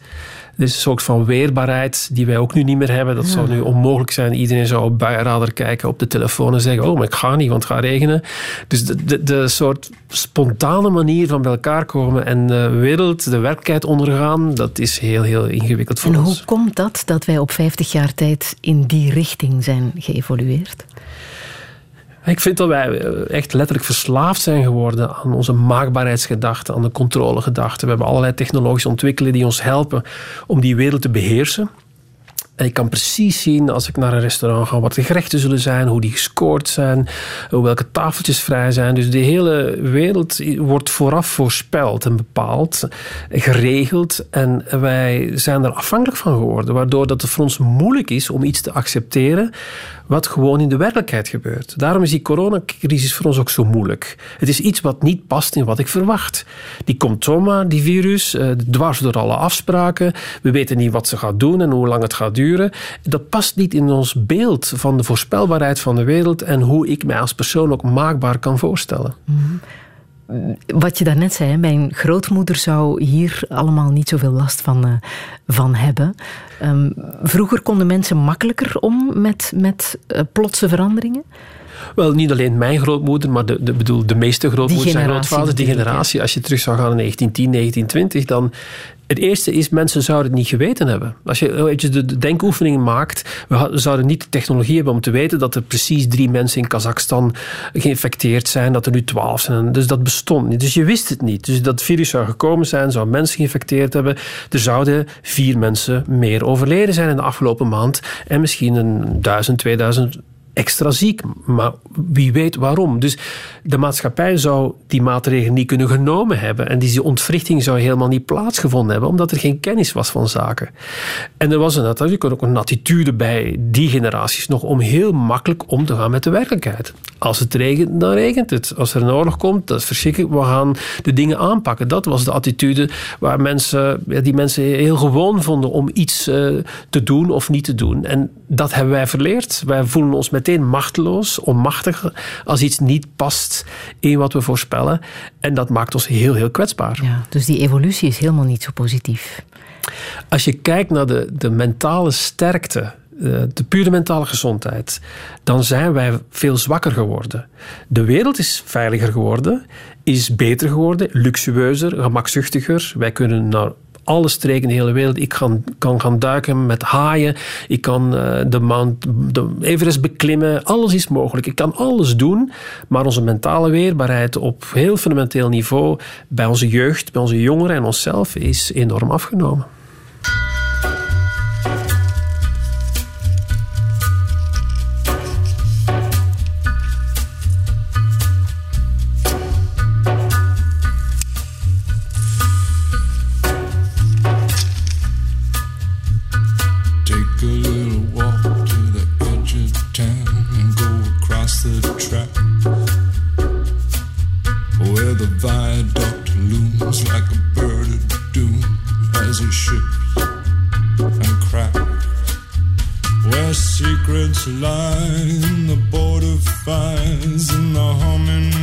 Rosie, man, you know you're never coming back.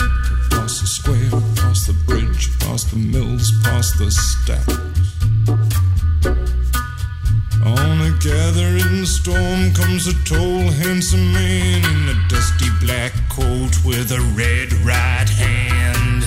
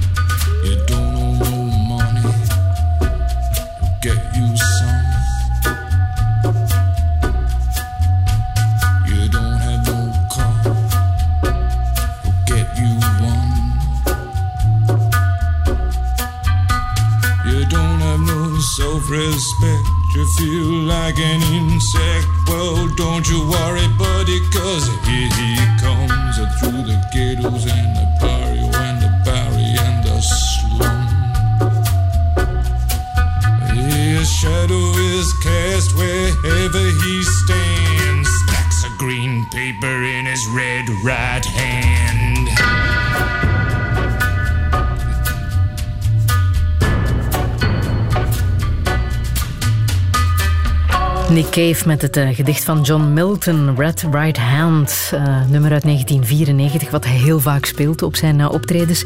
Damian de Nijs, jij speelt het ook, dit nummer. Ja, op jouw optreden. Ja, ja.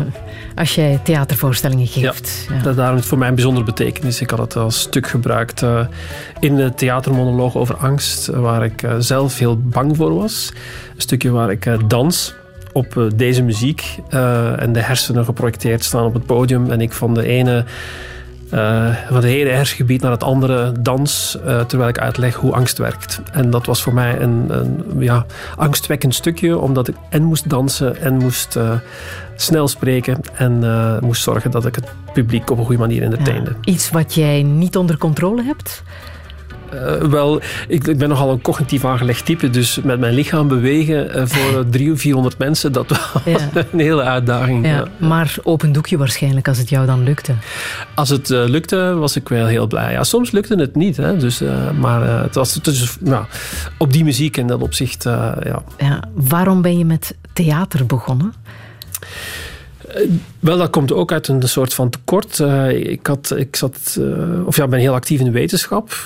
En um, op een bepaald moment begon ik echt te twijfelen aan, wat ik deed. vond ik het ingewikkeld, had ik niet zo vertrouwen meer. En vond ik ook dat ik niet echt wetenschappelijk kon vertellen wat ik wilde vertellen. Dus wetenschap is heel conservatief. zeker die biomedische wetenschappen. Je hebt altijd een vast van zo schrijf je een artikel, zo presenteer je. En dat wordt dan, als je iets schrijft, voorgelegd aan experts, collega's die je niet kent, die dan blind al dan niet je artikel accepteren.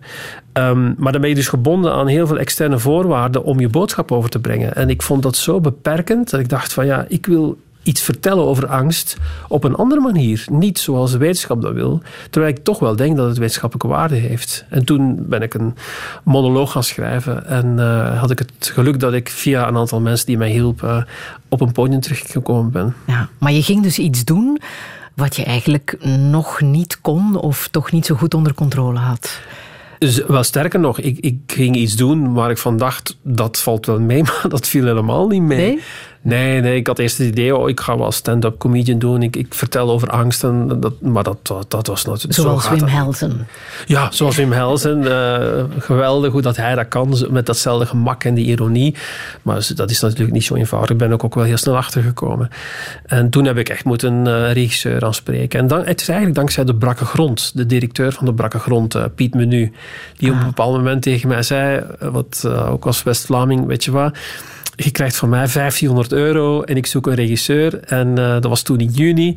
En ik zorg ervoor dat je een hele week in december hier kan optreden in de brakke grond. Bij moeilijkheden wordt het leven interessanter, uh, zeg jij of schrijf jij ergens. Dat was hier uh, ook het geval, hè? Dat was zeker het geval, ja. ja dus je brengt jezelf wat in moeilijkheden, maar dan pas wordt het interessant. Ja, dan wordt het interessant. Omdat we als mensen altijd de neiging hebben om ons makkelijk te maken. Dus we, zitten graag in onze hele vertrouwde kokon. Uh, waardoor dat we heel veel mogelijkheden uitsluiten. Dus het is onze opdracht, denk ik, om te kijken hoe we het onszelf moeilijk kunnen maken. Omdat dat dikwijls openingen bieden tot dingen die veel interessanter zijn, die ik zelf niet had kunnen bedenken. Ja. Dus de, de wereld daarbuiten is veel intelligenter en veel creatiever dan ik als persoon. Dus je daarvoor openstellen betekent dat je dus dingen moet doen die buiten jezelf vallen. Ja. Is dat ook het advies dat je meegeeft aan jouw drie zonen?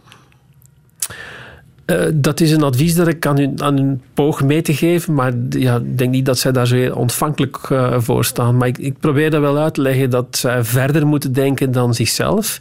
Ze zitten alle drie uh, in de semi-puberteit, misschien al net een beetje buiten. Um, en voor hun is, is dat heel ingewikkeld om zich uh, voor de ogen te houden dat de wereld daarbuiten rijker is dan degene die ze zelf kunnen fantaseren. Dat is heel lastig voor een puber. Ja. ja maar jij kan dat als psychiater natuurlijk perfect analyseren hoe dat komt. Dat zij nog niet uh, op dat punt zitten waar jij nu zit. Ja, maar ik ben, ik, voor hun ben ik gewoon een vader. Hè. Ik ben die papa die s ochtends opstaat en uh, koffie maakt. Dus ja, zo kijken zij naar mij. Dus in dat opzicht heb ik kijk, misschien zelfs nog veel minder invloed op mijn kinderen dan uh, bij anderen. Ja, ben je klaar voor het lege nest-syndroom? Want ze zijn die leeftijd ongeveer. Hè? Ja, het is klaar om het nest uit te vliegen. Ja, twee zijn al uitgevlogen. Min of meer. Ja, in Nederland gaat dat snel. Als je 18 bent, dan ben je het huis uit. En ik denk dat de jongste staat te trappelen. Die zal in september uh, die stap zetten denk ik. En dan ja, ben ik alleen met mijn vrouw en dan moeten wij onze hele kleine wereld opnieuw heel interessant maken. Hoe doe je dat? Hoe doe je dat? Uh, ik denk uh, musea, theater, klassieke dingen. Gewoon ja, iets meer accent leggen op het plezier in het leven. We hebben denk ik lange tijd hard gewerkt. Dus nu is het uh, moment om eens met een andere manier, met een ander gevoel naar dingen te kijken. En accent te leggen op dingen die juist niet moeten. Ja, en een tv in huis te halen. Dat heb je ondertussen gedaan. Ja, dat was mijn vrouw die dat eiste. Dus dat was geen keuze. Zij wilde absoluut een televisie thuis, omdat uh, ze vond dat er te weinig sociale cohesie in de familie was. Iedereen keek op zijn eigen apparatuur.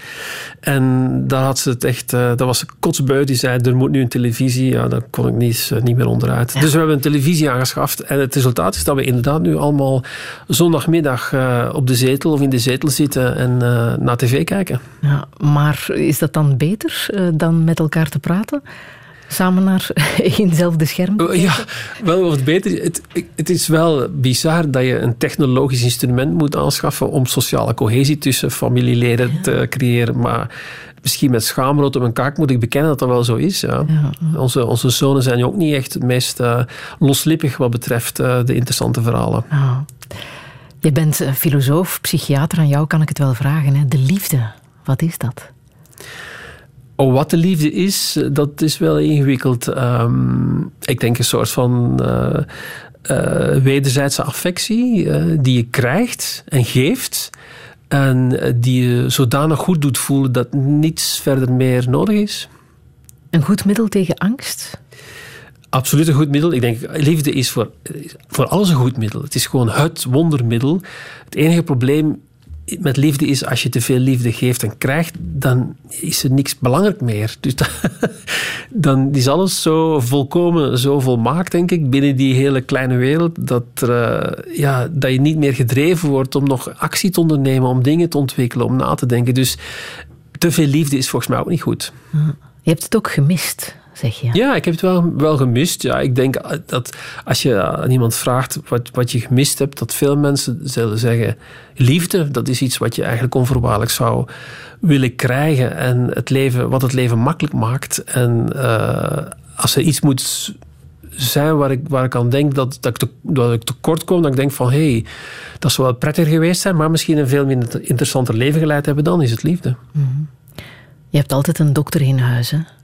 Ik heb een dokter, ja. ja. Dus als er iemand ziek wordt uh, ten huize de Nijs, dan zijn jullie goed uh, behandeld. Dat is een absoluut misverstand. Ja, uh, ja want die dokter, dat, die, dat, nee, ik moet altijd de gekste aandoeningen verzinnen om toch maar enige aandacht te krijgen bij die dokter. Die dus, dokter, uh, dat is jouw echtgenoot? Dat is mijn echtgenoot, ja. Zij is huisarts. Dus ik, als ik zeg dat ik hoofdpijn heb, dan wordt er niet geluisterd. Dus Oei. kwam ik vroeger met indrukwekkender ziektebeelden, zoals ik heb een tongtumor. Um, maar dat, ja. werd, dat liep ook niet altijd zo goed af, want een van de kinderen had dat meegenomen, vertelde dat thuis, of aan, in, in, in school, bij de juffrouw. En uh, mijn vrouw werd dus aangesproken ook op de schoolplein. Die zei, oh, vreselijk wat uw man is overkomen. En ze wist niet waar het over ging. En dat ging dus om die tongtumor die ik moet gebruiken om een beetje aandacht te krijgen van de dokter. Oei, dus als jij um, corona uh, besmet bent, wat gebeurt er dan? Wel, dan zal mijn vrouw, zoals het voorschrijft, gewoon voor zorgen dat ik in bed ga, gestopt word. Ja, Toch dat wel. wel. Ja, ja. ja.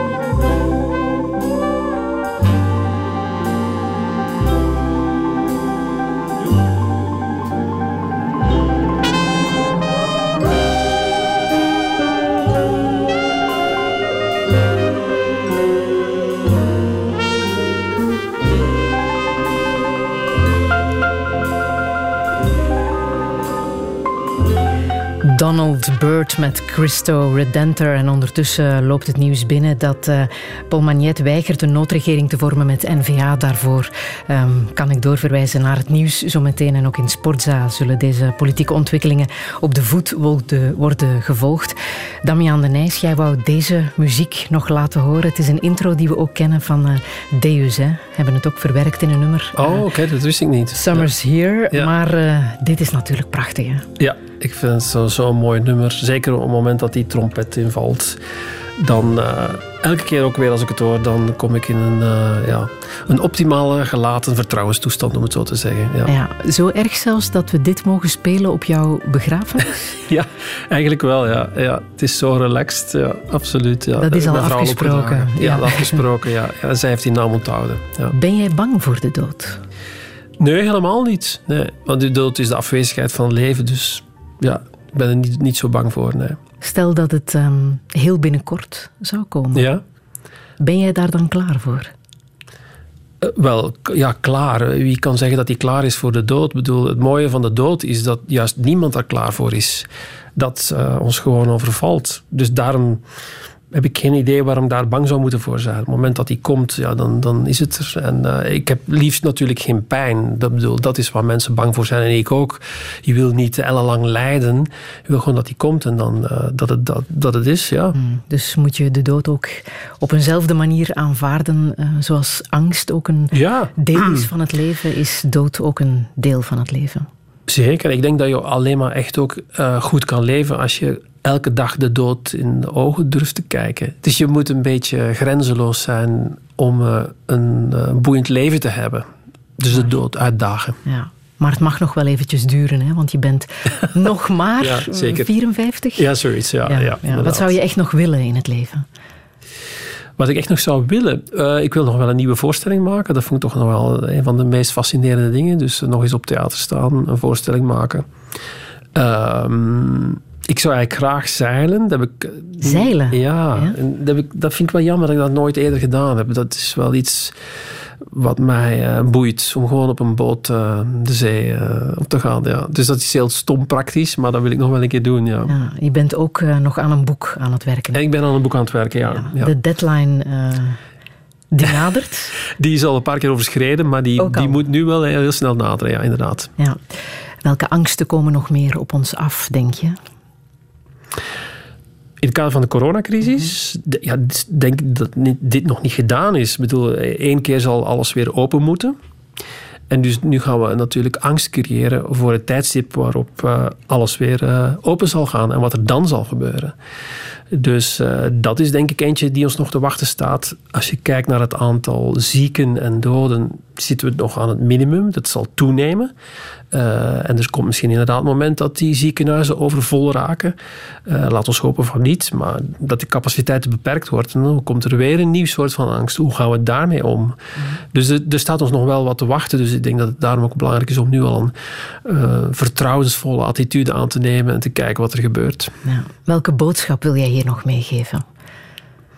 Wel, die, ja, die boodschap die ik al een paar keer herhaald heb, van aanvaard soms ook wel de dingen zoals ze zijn. Probeer niet krampachtig alles vooraf te willen bepalen, omdat het soms zo is dat de dingen die wij doen veel negatiever zijn dan uh, de problemen die ze veroorzaken. Dat is misschien ook wel een hele cliché gedachte. Um, maar dat zag je bijvoorbeeld uh, met 9-11, uh, toen heel veel mensen op basis van die vliegtuigen besloten om niet meer te vliegen en de auto namen. En dat er een duizendtal extra doden zijn gevallen drie maanden na 9-11. Omdat mensen ja, in een verkeersongeval overlijden en zich niet realiseren dat statistisch gezien vliegen toch veel veiliger is dan met de auto rijden. Dus wij nemen soms verkeerde beslissingen op basis van onze angst. Dus wees niet al te krachtdadig. Stop soms af en toe en uh, wacht eventjes af. En ken u zelf ook? Ja, ken u zelf is een hele oude uitspraak van uh, nou, Socrates natuurlijk. Dit is zo'n eenvoudige eh, uitspraak dat we neigen het belang ervan te vergeten. Maar ja, ik vind het blijft nog een van de meest fascinerende filosofische inzichten vinden, omdat het niet lukt om jezelf te kennen. Dus het is voortdurend zoeken wie ben ik.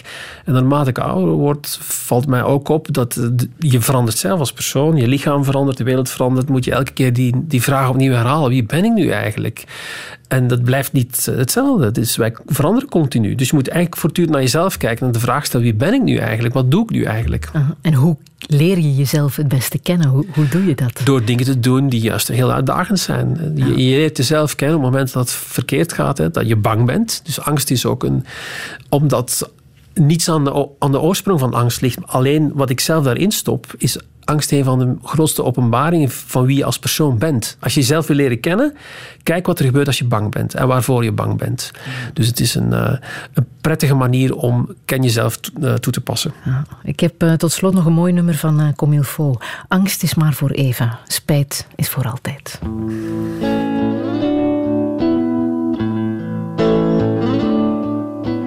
Vraag je maar niet af waarheen de wind je leidt.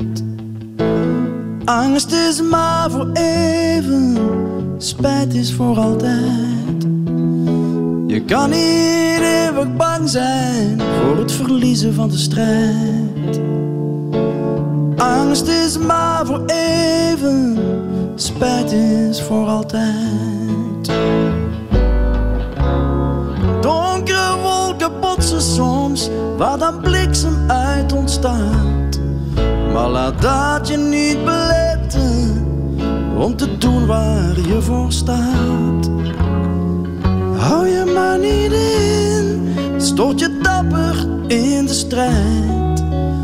Angst is maar voor even, spijt is voor altijd.